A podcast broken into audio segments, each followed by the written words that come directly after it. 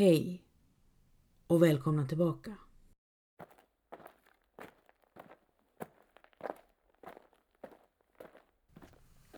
Sara-Stina och Per-Olov flyttar söderut, lite inåt landet.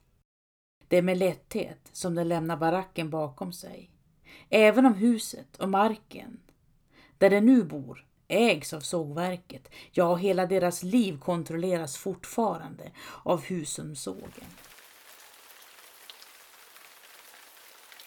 Det har duggat i veckor redan och nu står regnet som spön i backen.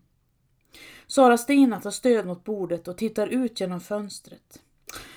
Oj, hon suckar. Så osannolikt mycket vatten som piskar mot jorden i denna stund.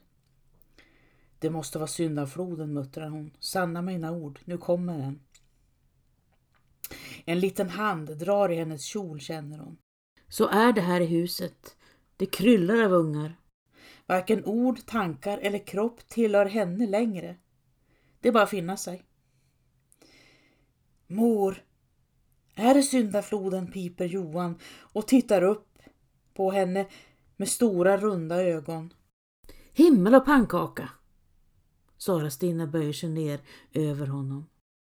Det är bara sånt man säger när det regnar. Jaha, det är sånt man säger, upprepar Johan och rusar ut. Sara-Stina betraktar honom genom fönstret. Johan hoppar i regnet, stuttar upp och ner så att varenda plagg blöts ner medan han skriker himmel och pannkaka. Och Sara låter honom hållas.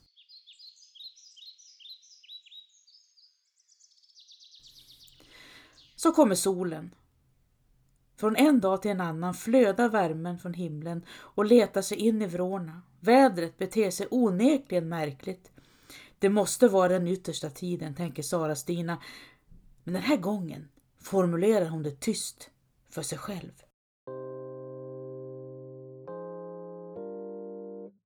Valentin ojar sig borta i soffan när Sara-Stina ber honom att hämta en ved. Jag orkar inte. Det är för varmt, svarar han. Per-Olof som sitter vid bordet reser sig och går bort till Valentin och tar tag i hans överarmar. Är du lat pojke? Sara-Stina betraktar sonen från sidan. Valentin ser tyngre ut än vanligt. Han måste ha vuxit på bredden och Sara-Stina följer honom med blicken när han reser sig upp och sedan sätter sig ner. Skorna måste ha krympt. Valentins fötter går inte i. Är skorna för trånga, Valentin? frågar hon. Han rycker på axlarna och stirrar ner i golvet. Sara-Stina söker Per-Olofs blick, men han har redan lämnat rummet. Solljuset faller obarmhärtigt in genom fönstret och exponerar brödsmulorna på bordet. Valentins ögon, som annars är stora och ljusblå, har sjunkit in i hans jätteansikte. Men Valentin som du ser ut, min son, säger Sara-Stina högt. Vad menar mor? frågar Valentin. Sara-Stina kommer på att Valentin legat på köksstoffan mitt i dagen säkert tre gånger den här veckan. Är du sjuk pojke? frågar hon. Nej, det tror jag inte, svarar Valentin. Jag är bara trött. Det kanske är så enkelt, tänker Sara-Stina motvilligt, att det finns människor som inte är kroppade till arbete. Om det stämmer tillhör Valentin den skaran. Trots att Valentin finns 20 år är det fortfarande vanskligt att skicka ut honom med ärenden.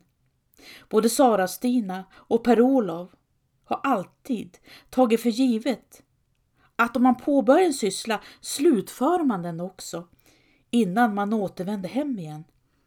Men inte Valentin. Om Sara-Stina ber honom att hämta en ved går han iväg med korgen på armen och sedan dröjer det och så dröjer det. Ända till Sara-Stina går bort till vedboden och tittar efter. Då står korgen på marken med några enstaka vedträn medan Valentin är försvunnen. Om jag kunde begripa, mumlar Sara-Stina och sneglar bort mot Valentin. Om jag kunde begripa att det kan vara så annorlunda. Doktorn kommer till dem redan nästa dag och barnen flockas i fönstret när bilen stannar en bit från huset. Vem är det där? frågar Jenny. Sara-Stina har kokat kaffe och dukat med de vita kopparna. Hon vet inte om doktorn har tid med kaffe, men om det skulle falla sig så. Doktorn stiger in och går genast in i köket. Valentin ligger som tidigare i soffan och blänger mot allt som händer med skeptiska ögon. Sara-Stina skäms. Pojken hälsar inte ens utan drar sig bakåt som om försöker fly. Doktorn hälsar knappt heller utan börjar tämligen omgående klämma och trycka på Valentins armar. Sedan går han över till underbenen och Sara-Stina ser själv hur huden åker in under doktorns fingrar för att sedan åka ut igen. Han har blivit väldigt stor, hennes Valentin. Valentin flåsar. Det rasslar i bröstkorgen när doktorn övergår till att känna på bålen. Han skruvar sig av olust och stirrar in i väggen. Doktorn lägger undan stetoskopet. Han tittar ner i sin väska och stänger den med två klick. Sedan suckar han. Jag tror att det är njurarna, säger doktorn kort. Doktorn kliar sig i håret och flackar med blicken någonstans ovanför Sara-Stinas huvud. Nu ser Valentin nästan sovande ut. Pojken måste till lasarettet, säger doktorn. Så fort som möjligt. Lasarettet, upprepar Sara-Stina och uppfattar hur Valentin grinar illa borta i soffan. Ska det vara nödvändigt? Doktorn drar ihop ögonbrynen och ser med ens barsk ut.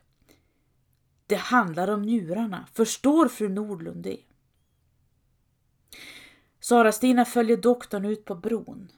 När hon stiger in i köket igen får hon syn på de vita kopparna.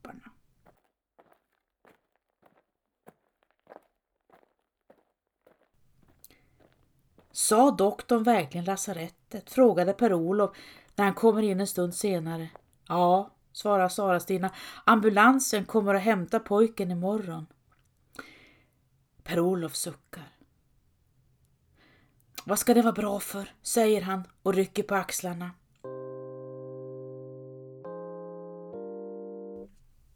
Lasarettsläkaren bär glasögon och antecknar på ett vitt papper. Sara-Stina irrar med blicken över mottagningsrummet. Allt här inne är vitt.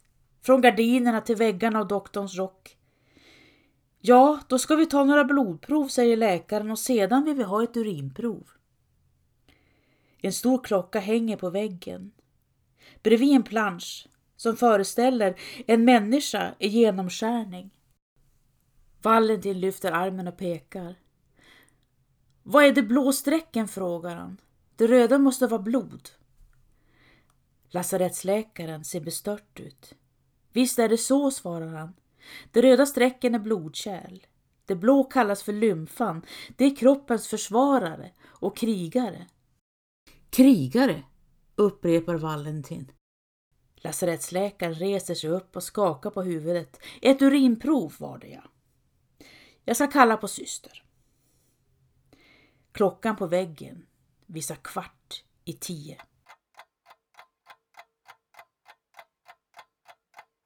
Sjukjournalen ligger kvar på bordet. Olof Valentin Nordlund, 20 år. Sedan åtta veckor, mycket matt och svullen. Mycket böjliga ödem med ansiktet, likaledes jämväl i kroppen. Urinen innehåller stora mängder äggvita och bottensatsen är grumlig. Diagnos Morbus Bright.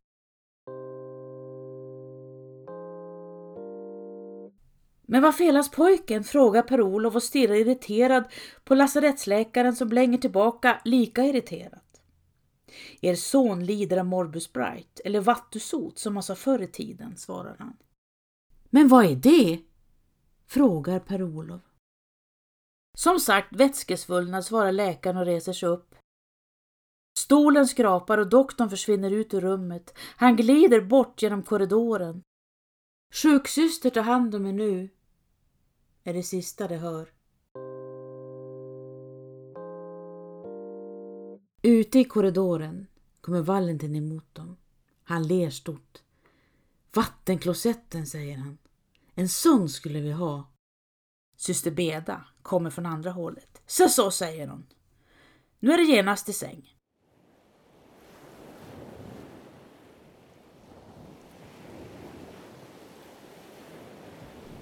Natten sänker sig över sjukhusets salar.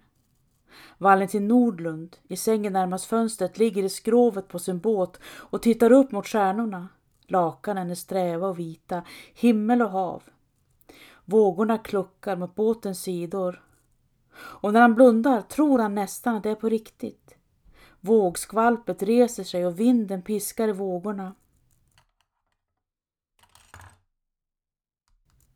Men lasarettshjulen stör honom. Det får haven att frysa. Dörrar öppnas och stängs. Snabba tysta steg vandrar genom korridorerna. Valentin vill glida ut på havet. Kanske får hans liv en mening.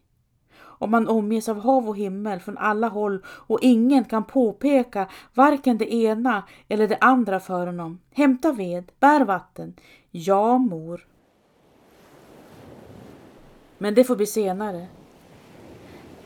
När han vilat upp sig ett tag. Just nu saknas krafterna. Det värsta med lasarettet är alla sjuka. Nyss rullades en ung flicka in. Valentin kisar mot henne men ser inte så tydligt i mörkret. Hennes hår är stort och mörkt och flyter ut över kudden. Flickan jämrar sig stilla. Utan förvarning börjar hon kräkas. Det rinner ner på golvet och stanken fyller rummet. Valentin i båten. Om det gungar för mycket eller om det är sjösjuka. Hjälp, ropar han. Hjälp henne! Och genast kommer det tysta, skorna springande och sängen med flickan rasslar iväg. När jag blir frisk ska jag gå till sjöss, tänker Valentin. Och resa så långt bort som möjligt. Det värsta med lasarettet är alla sjuka och vetskapen att man är en av dem. Lasarettsläkaren plockar fram det vita arket och läser tyst för sig själv. Sedan skriver han några rader. Utskriven idag. Obotlig. Nu får ni ta med er son hem igen, säger han. Men, invänder Sara-Stina, hur ska vi göra hemma då? Läkaren lägger ner sin penna och knäpper händerna. Han vickar lite på stolen. Ja, ni kan alltid be en bön, svarar han. Klockan på väggen visar på en minut i tre.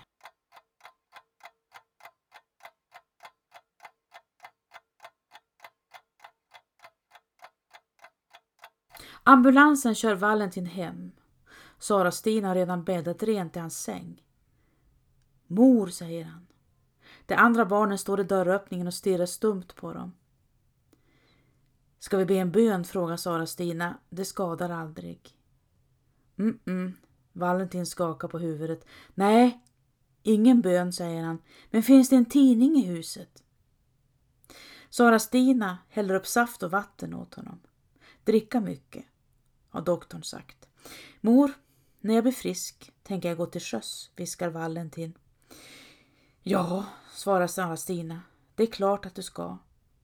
Och klappar hans hand. Morbus Bright är en inte alltför ovanlig men obotlig njursjukdom. Njurarna blir kroniskt inflammerade och i nutid kan en transplantation vara enda utvägen. Valentin Nordlund dör tre veckor senare.